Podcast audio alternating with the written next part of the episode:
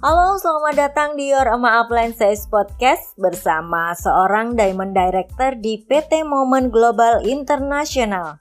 Di podcast ini, Anda tidak hanya mendapatkan berbagai macam ilmu dan pengalaman dari seorang top leader Moment yaitu Diamond Director kita Maasti, tapi kalian juga akan mendapatkan ilmu dan pengalaman dari para member dan juga top leader lainnya di komunitas Moment.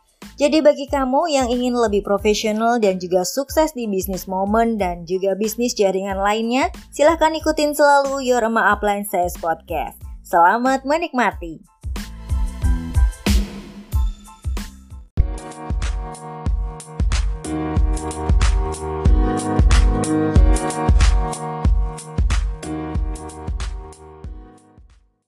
Hai semuanya, Assalamualaikum. Selamat datang dan terima kasih sudah berkunjung di podcast saya di Your Emak Appliances Podcast.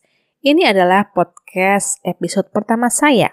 Sebelumnya, izinkan saya memperkenalkan diri dulu saya. Nama saya adalah Triasuti Kusumaning Tias atau biasa dipanggil dengan Emak Asti. Saya adalah salah satu seorang leader di sebuah bisnis jaringan, yaitu PT Moment Global International di mana saat ini posisi saya sebagai Diamond Director. Latar belakang saya saat ini adalah saya seorang ibu rumah tangga dengan satu orang putra dan dua orang putri di mana kesibukan saya sehari-hari adalah menghabiskan waktu saya di rumah dan fokus menjalankan bisnis jaringan bersama Momen. Podcast saya ini akan membahas mengenai hal-hal yang berkaitan dengan bisnis jaringan dan pengalaman saya beserta komunitas saya dalam menjalankan bisnis jaringan di Momen. Pada episode perdana ini, saya akan bercerita mengenai bagaimana saya memulai terjun di bisnis jaringan.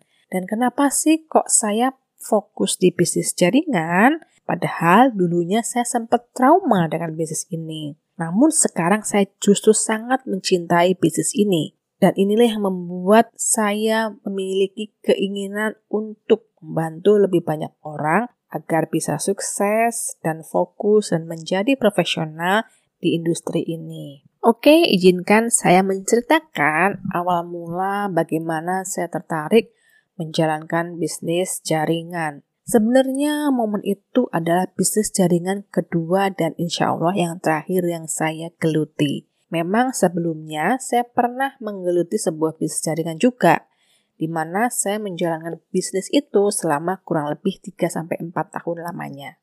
Namun saya memilih untuk mundur sementara di bisnis tersebut.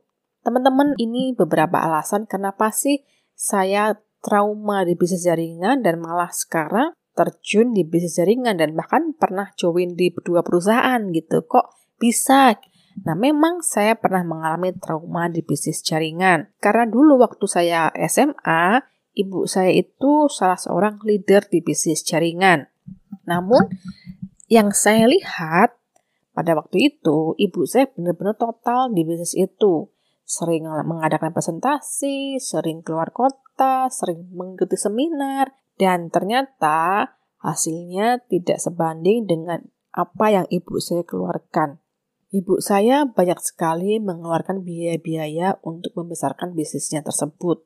Entah itu biaya membuat seminar, biaya untuk perjalanan keluar kota, dan tidak hanya untuk ibu saya, tapi untuk aplan-aplannya. Jadi budgetnya banyak banget ibu saya di situ.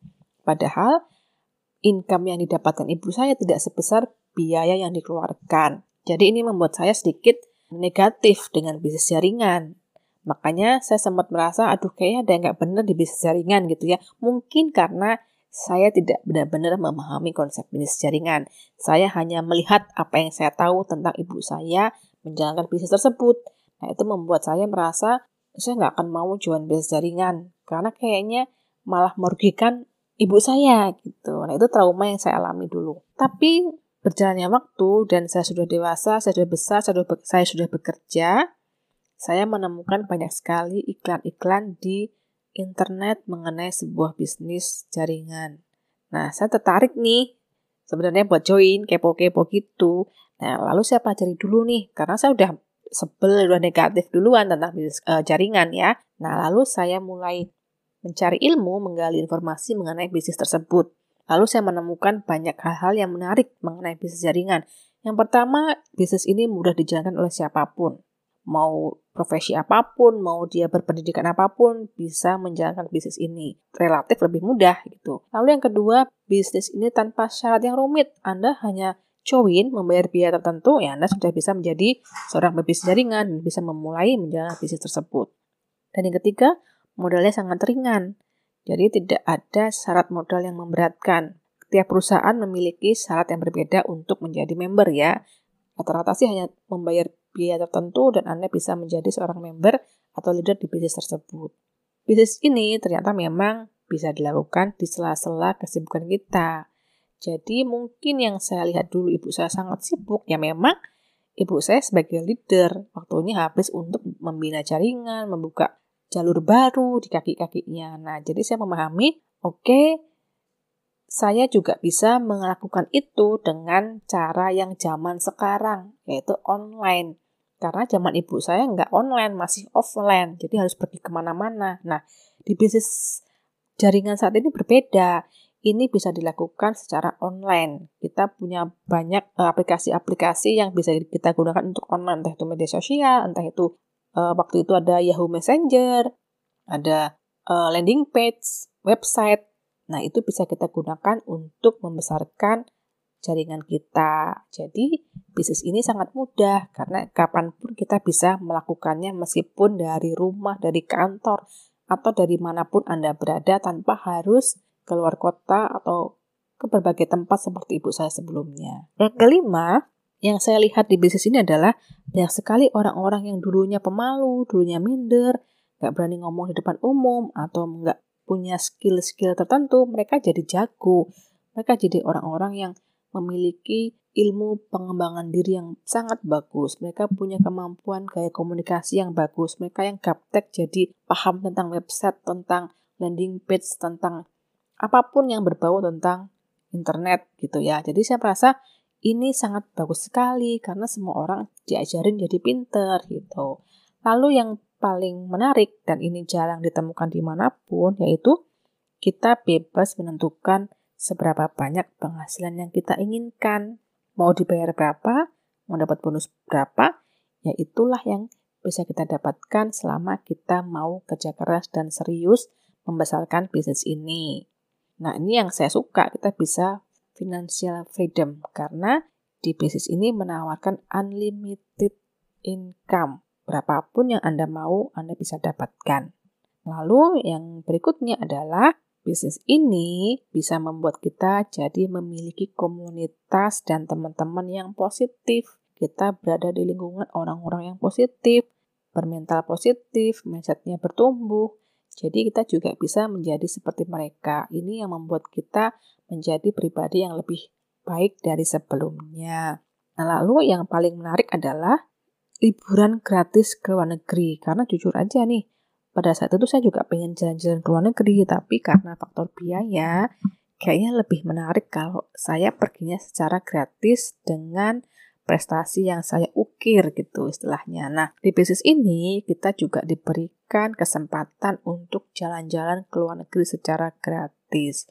Ini yang saya kejar sebenarnya ketika saya pengen join di bisnis tersebut waktu itu. Nah, lalu di sini kita juga bisa membantu banyak orang untuk sukses. Untuk sukses di sebuah bisnis jaringan, kita harus membantu orang lain dulu untuk sukses, baru kita sukses. Dan saya merasa di sini kita itu nggak hanya sekedar mencari uang, tapi juga bagian dari ibadah dengan membantu orang lain dari hal bisnis mereka sukses, dari segi produk mereka juga bisa mendapatkan manfaat positif dari produk yang mereka beli di bisnis ini. Nah, inilah hal-hal yang membuat saya menjadi semakin tertarik ingin mencoba bisnis jaringan. Lalu saya joinlah di perusahaan tersebut.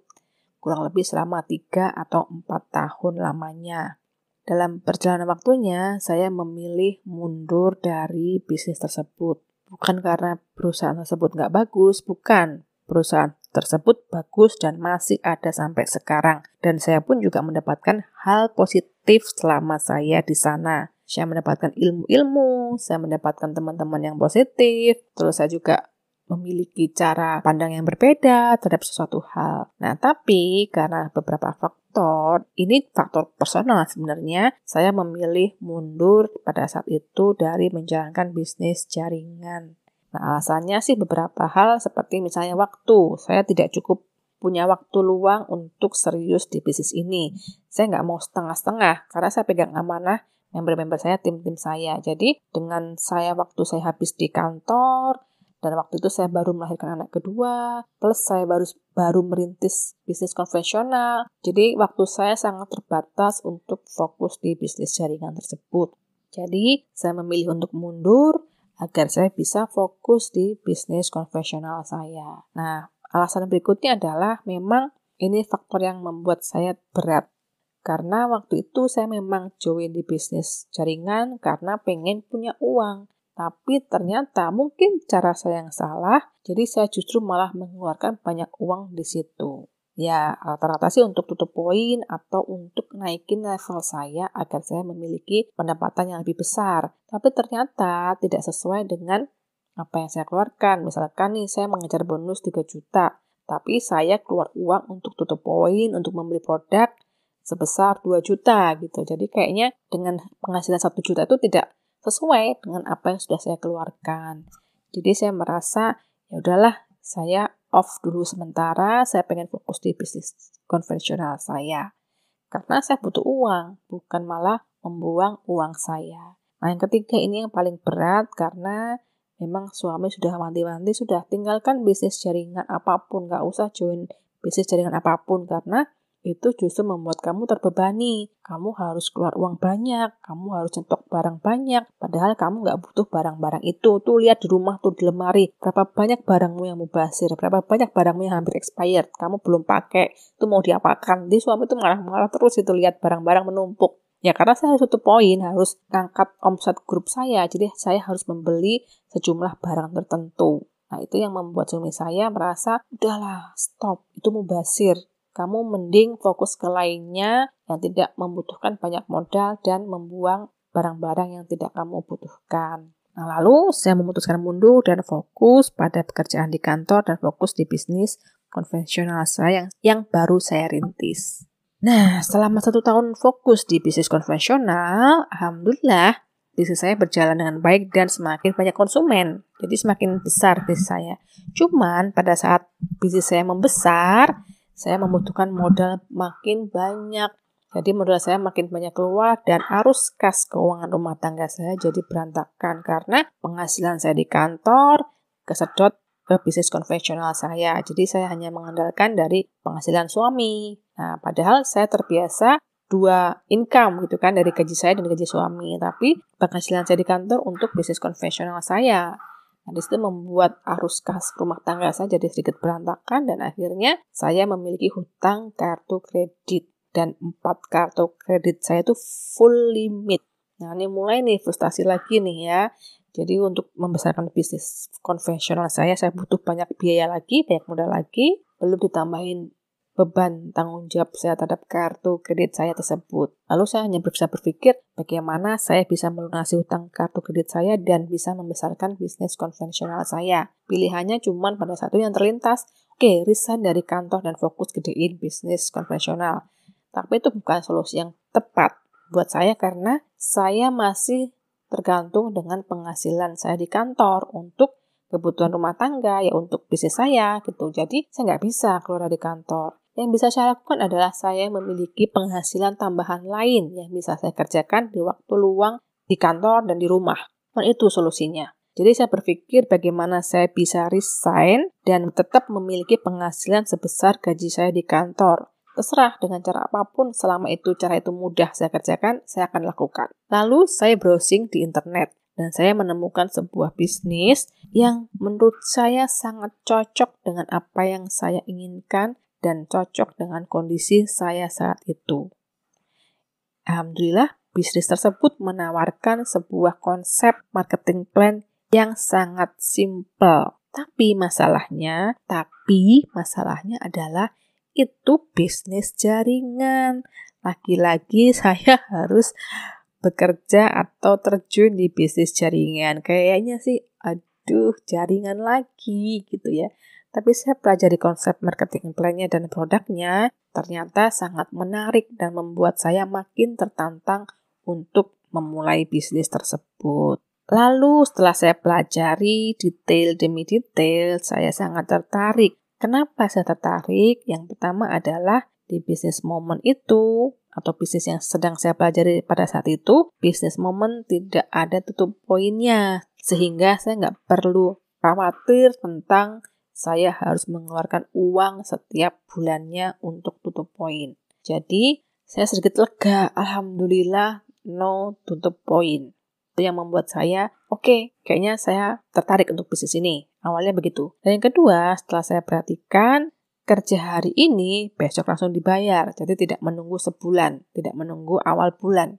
Jadi misalkan, besok saya tahu saya butuh uang sekian. Berarti saya harus kerja hari ini agar besok saya punya uang sesuai dengan nominal yang saya butuhkan. Jadi kita bisa membagi kinerja kita sesuai dengan kebutuhan kita gitu. Lebih enak menurut saya. Nah, lalu yang berikutnya produknya sangat bagus dan menarik. Karena jujur saya belum pernah menguasai atau mengetahui tentang konsep nutrisi. Di bisnis momen itu ternyata yang dijual nutrisi dan testimoninya banyak banget yang positif. Jadi saya berpikir di bisnis ini selain saya bisa mencari penghasilan, saya juga bisa membantu orang lain dengan nutrisi yang ditawarkan di momen.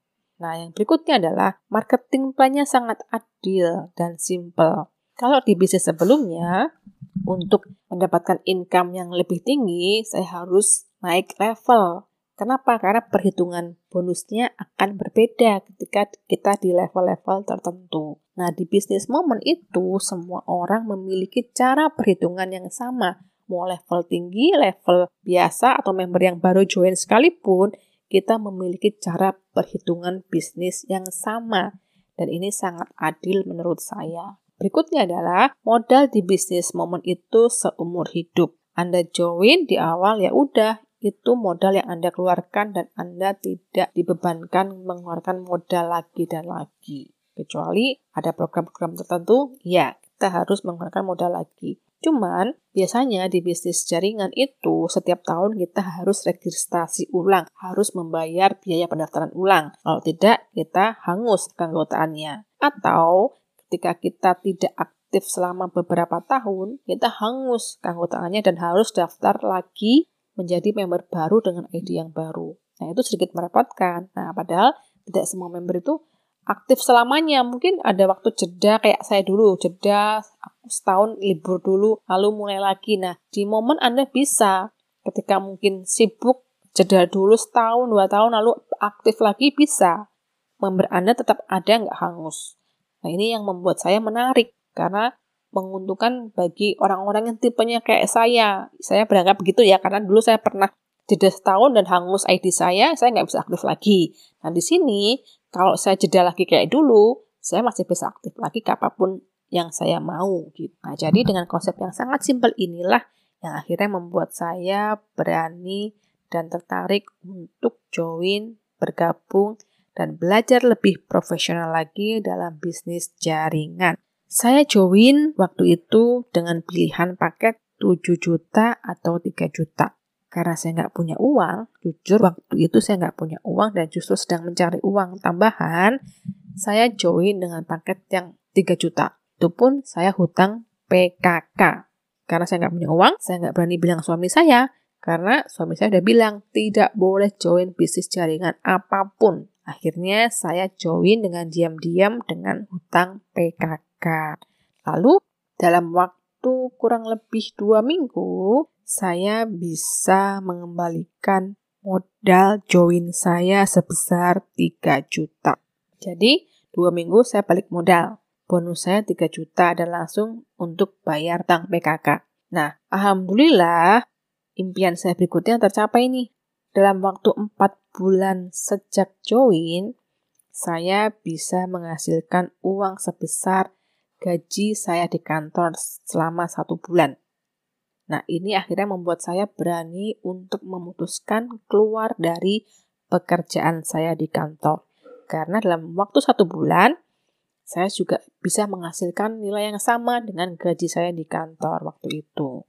Akhirnya impian saya tercapai. Saya bisa resign dari kantor, mendapatkan income yang sama dengan kantor, dan saya bisa fokus di bisnis konvensional saya. Nah, lalu saya mulai aktif dalam menjalankan bisnis ini bersama tim saya dan alhamdulillah dalam waktu sekitar kurang lebih tujuh bulan, saya bisa mencapai total income sebesar 100 juta di momen. Nah, inilah yang saya pakai untuk membayar hutang kartu kredit saya. Jadi, dua impian saya sudah tercapai. Saya sudah resign dan saya sudah bisa melunasi kartu kredit saya di berbagai bank yang saya punya. Semua dari bisnis moment. Akhirnya alhamdulillah dan suami juga mengizinkan waktu itu untuk saya terjun di bisnis moment karena sudah tahu hasilnya seperti apa dan tahu konsepnya seperti apa dan suami saya mengizinkan saya selama tidak membuat saya stres istilahnya tidak membuat saya makin lama makin mengeluarkan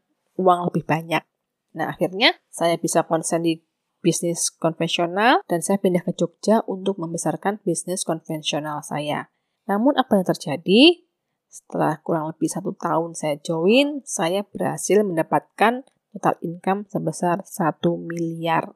Nah, ini yang membuat suami saya merasa, sudah, kamu fokus ke bisnis momen, kerjakan momen, dan besarkan tim kamu. Kenapa? Karena secara di atas kertas, bisnis momen itu lebih menguntungkan dibanding bisnis konvensional saya.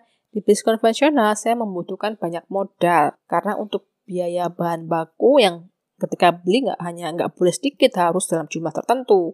Belum untuk stok produk. Jadi saya harus punya stok produk tertentu, saya harus punya bahan baku dalam jumlah tertentu. Itu membutuhkan banyak modal. Tapi tingkat pengembalian keuntungannya tidak sebesar modal yang saya keluarkan. Jadi suami saya bilang, sudah, kamu untuk gedein bisnis konvensionalmu, kamu butuh waktu nggak bisa cepat. Tapi di momen kamu bisa cepat. Bukti dengan satu miliar dalam waktu satu tahun lebih dikit, saya bisa dapatkan di momen. Jadi kalau hitung-hitungan di atas kertas, lebih menguntungkan saya kerjain momen. Jadi oke, okay, meninggalkan bisnis konvensional saya dan saya fokus menjalankan momen sampai hari ini. Nah, Alhamdulillah, saat ini adalah tahun ke-6 hampir ke-7 saya di momen. Dan total income saya saat ini di bulan Juni 2020 sebesar 7 miliar. Di luar bonus gratis mobil Innova 1 unit dan 1 unit Honda Brio. Belum liburan ke luar negeri, jalan-jalan, umroh, terus uh, cash reward lainnya, handphone. Nah, masih saya terima juga di luar total income saya. Alhamdulillah bisnis momen membawa saya kepada titik diri saya yang, yang luar biasa. Saya bisa lebih baik dalam skala hal, terutama dalam personal skill saya, saya lebih baik lagi. Saya juga memiliki keberanian untuk tampil di depan umum, di mana saya memiliki trauma di masa kecil mengenai berbicara di depan umum. Tapi di momen membuat saya menjadi pribadi yang berani berbicara di depan umum dan alhamdulillah saya sudah terbiasa berbicara dengan jumlah audiens yang ribuan. Di momen juga banyak memberikan saya pelajaran mengenai leadership dan saya juga belajar mengenai pola-pola ilmu alam semesta, belum saya belajar mengenai selling skill, terus mengenai media sosial marketing. Pokoknya banyak sekali hal-hal yang saya dapatkan di bisnis ini. Dan pengalaman saya yang pernah menjalankan berbagai macam profesi, ini adalah pengalaman yang menarik buat saya. Saya pernah menjadi karyawan, saya pernah menjadi pebisnis konvensional, dan saya pernah menjadi pebisnis jaringan di tempat lain. Nah, pengalaman ini membuat hidup saya lebih berwarna dan memahami banyak hal. Nah, memang untuk menekuni profesi tertentu, itu nggak salah. Itu pilihan, itu passion. Semua orang berhak memilih mau jadi apa dirinya. Entah mau jadi karyawan, mau pebisnis jaringan, atau pebisnis konvensional. Itu bebas memilih, semua hal baik. Tinggal kalau bagi saya, pilih yang sesuai dengan passion, pilih sesuai dengan kondisi Anda saat itu, pilih sesuai dengan cara yang memudahkan atau mempercepat kita mencapai impian kita. Karena saya pernah melalui tiga hal tersebut di atas, saya pernah menjalani berbagai macam profesi. Misalkan pada saat saya menjadi karyawan, ya saya bukan membandingkan, tapi ini membuat uh, teman-teman sedikit terbuka wawasannya dan kembali lagi tergantung passion masing-masing ya. Jadi pada saat menjadi karyawan, saya merasakan untuk bekerja di perusahaan tersebut, perusahaan besar, kita membutuhkan banyak skill. Butuh pendidikan yang tertentu, butuh pengalaman kerja dalam jumlah tertentu, di bidang tertentu, dan butuh skill-skill tertentu. Nah, sedangkan di bisnis jaringan, mau profesi apa pun, bisa join, mau skill apa pun bisa join, mau pendidikan apa pun bisa join. Tidak ada syarat tertentu. Dan kalau sebagai karyawan, kita kalau mau jadi karyawan tersebut harus melalui tahap ujian. Itu ujian wawancara, ujian tulis, pokoknya ada ujiannya dan tidak semua orang diterima. Tapi kalau di bisnis jaringan, nggak ada ujian. Kamu mau join, join ada. Kamu mau join, join aja. Lebih mudah untuk kita menjadi bisnis jaringan karena tanpa syarat tertentu. Nah, lalu untuk menjadi karyawan, kita memang setiap bulan mendapatkan gaji yang jumlahnya tetap. Dan kalaupun naik ya setahun sekali, atau ketika dapat lemburan atau bonus kita mungkin gaji bulan ini lebih tinggi. Nah, tapi di bisnis jaringan memang tidak ada gaji tetap, tapi besaran berapa yang kita inginkan itu bisa kita atur, bisa kita kejar berapapun yang kita inginkan.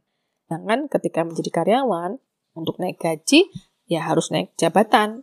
Untuk naik jabatan harus melalui proses, harus memiliki syarat-syarat tertentu, belum faktor-faktor non-teknis lainnya itu tidak mudah. Kita harus bersaing dengan banyak orang untuk mengajar satu jabatan. Namun, kalau di bisnis jaringan, satu jabatan, siapa pun bisa menjadi di level tersebut. Jadi, semua orang bisa memiliki jabatan yang sama. Banyak orang bisa mengejar jabatan yang sama. Jadi, tidak, tidak ada uh, persaingan untuk mengejar satu posisi. Tapi satu posisi bisa untuk banyak orang. Itu sangat menarik di bisnis jaringan yang saya alami dari karyawan menjadi pebisnis jaringan. Ini membuat saya bersyukur dengan keputusan saya. Meskipun menjadi karyawan itu juga hal yang positif. Karena kembali lagi ke passion masing-masing gitu. Lalu saya juga pernah menjadi seorang pebisnis konvensional. Dan saya memilih mundur dari bisnis konvensional dan bergabung di momen bisnis jaringan ya karena banyak faktor tadi di bisnis konvensional secara hitung-hitungan kertas menguntungkan, tapi jangka panjang. Modalnya juga harus besar. Effortnya juga harus besar, persaingan juga besar. Nah, di bisnis konvensional itu saya merasa bagus sih sebenarnya. Kita bisa menjadi sukses, kita bisa menginspirasi. Cuman kembali lagi ke tujuan masing-masing, ke passion masing-masing, ke impian masing-masing. Karena bagi saya waktu itu Momen adalah cara tercepat saya untuk menjadi sukses dan kaya. Nah, jadi saya memilih untuk menjalankan bisnis momen. Karena pengembalian modal itu sangat besar presentasinya. Dengan modal hanya 10 juta, saya bisa menghasilkan miliaran di bisnis ini. Jadi itu membuat saya tertarik, fokus, dan membesarkan tim saya di momen. Inilah yang saya rasakan ketika saya mengalami berbagai macam profesi dan situasi. Sebenarnya kita tuh bebas menjadi apa pun yang kita mau dengan catatan siap menerima tanggung jawab dan segala konsekuensinya. Karena semua orang itu berhak untuk bahagia, semua orang berhak untuk mencapai impian mereka, semua orang itu berharga. Maka hargai diri kita lebih baik dari kemarin. Yuk teman-teman, ketika Anda memutuskan untuk fokus dan membesarkan jaringan Anda di bisnis momen, yuk sama-sama kita menjadi pribadi yang lebih baik dari sebelumnya. Menjadi pribadi yang lebih profesional dari sebelumnya. Lebih menjadi seorang leader yang lebih baik dari sebelumnya. Sama-sama kita belajar di Your Mark Apprentice Podcast. Salam sukses dan terima kasih. Bye.